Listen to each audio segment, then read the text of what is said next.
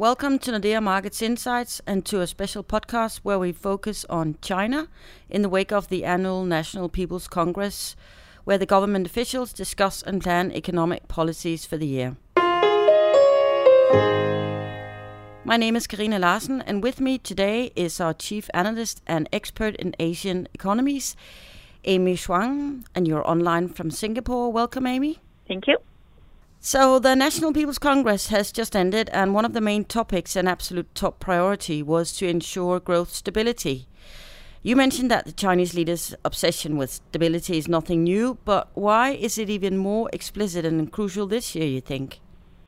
Well, it is mostly because uh, we are expecting a major political event later this year, very likely uh, occurring in the fourth quarter.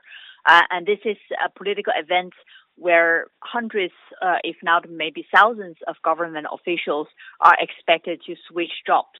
And this kind of event happens only every fifth year. And this time we expect even the top um, government officials in the very high decision making uh, body, which is the standing committee of the government, will also, some of the members will also be um, replaced. So this is a very, very major political okay. event. And usually, in China in such a, a major political event where the government will want to avoid any major shocks on the economy or the financial market side. All right.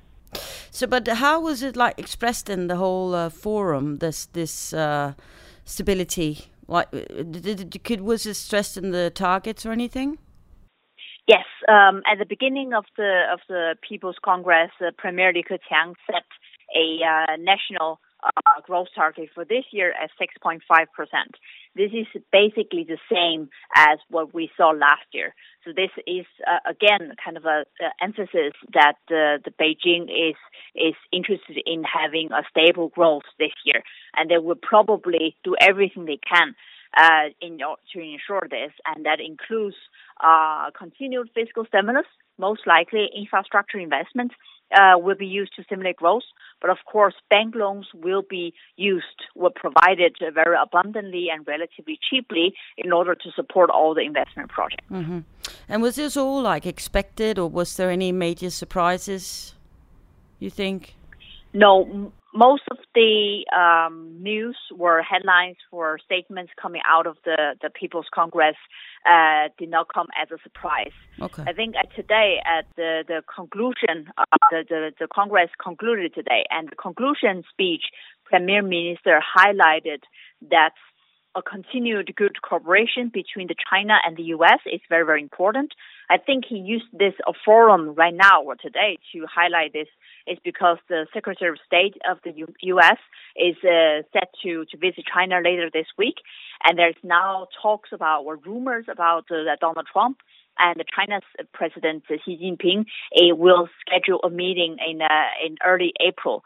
So of course, we'll in the coming few weeks and perhaps months, we're going to see more clarification uh, about the China and U.S. relationship, which is very very exciting. Okay. All right. If we just uh, go back to the to the forum there, also, the, um, what about reforms? It's always a topic in China, isn't it? Like, so what are your expectations for reforms this year? Oh yes, uh, the government is always uh, vocally supporting for continued structural reforms, and uh, this year there was no exception. And the tone was we continue want to you know shift from the investment-driven uh, economy to a more consumption-driven one. Uh, but uh, we have actually very little expectation on uh, the actual reform implementation this year. And this again is due to the major government reshuffle or the government political event later this year.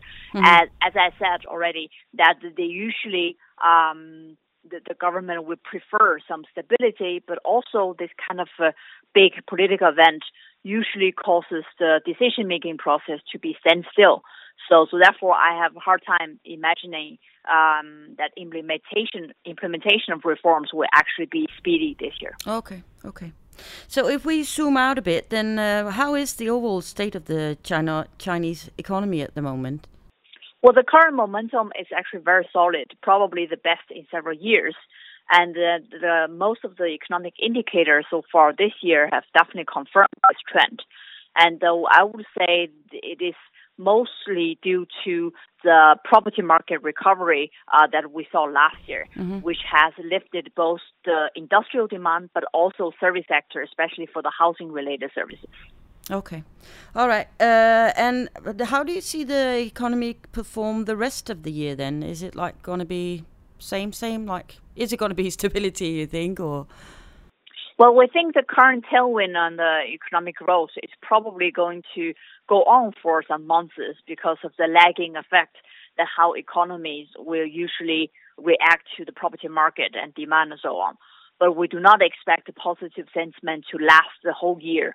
And in fact, the housing market recovery is already uh, cooling off because the, the recovery has sparked fear of uh, overheating um, in, in the housing market.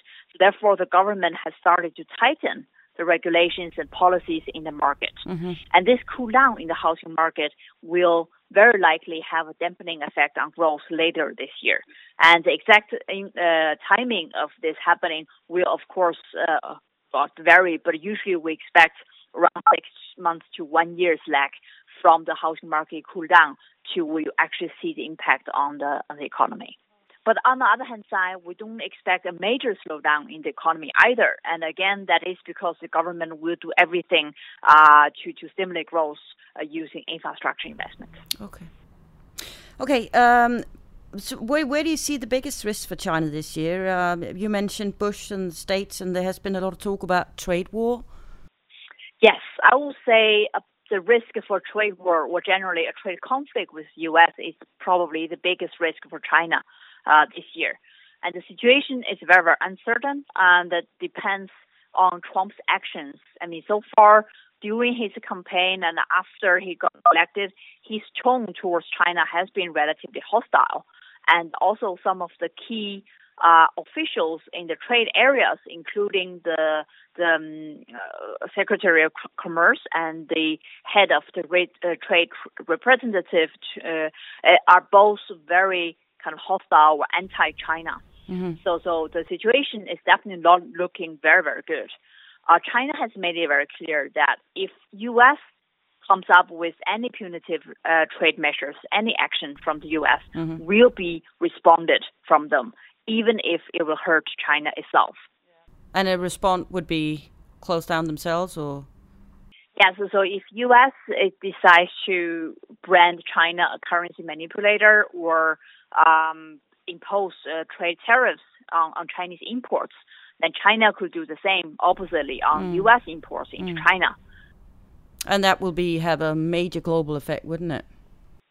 Yes, well, it depends, of course, on how large the tariffs will be and how extensive they will be and which products and so on. Mm. But China is, has signaled that it is preparing a trade wars with a number of countermeasures, has actually highlighted some uh, household names such as Boeing and Apple uh, to be companies that will suffer a lot. Right. And that will definitely uh, not be a good news to, to either of the countries. Mm-hmm. Okay, well, we'll just have to wait and see. Uh, but lastly, just if we take a recap, are there any of these uh, events we talked about ahead you think that could have an impact on the financial markets and something that you will and investors should keep a close eye on in uh, in China? Um, well, in China itself, there's no planned or scheduled events uh, ahead uh, apart from the uh, the political uh, event that I mentioned, which is the party, the National Party's Congress, which usually takes place in October or November. The mm-hmm. exact date for this year has not really been set.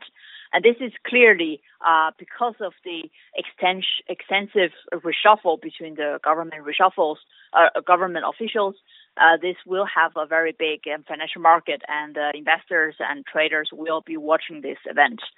But outside of China, uh, actually, in around 10 days' time, on the 26th of March, we will have election in Hong Kong. Okay. And uh, this is the first time where in Hong Kong where the public is allowed to, to vote for the head of the government in Hong Kong. Mm-hmm. Uh, but they are only allowed to vote for candidates that are already approved by Beijing.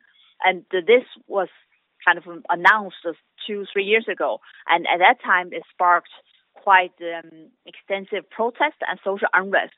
And uh, it is clearly a risk that after the election on Sunday, we could also see some uh, social unrest again especially among the young, democratic, uh, friendly yeah, people, and that could have some uh, some market impact uh, in uh, at least Asian region as well. Right.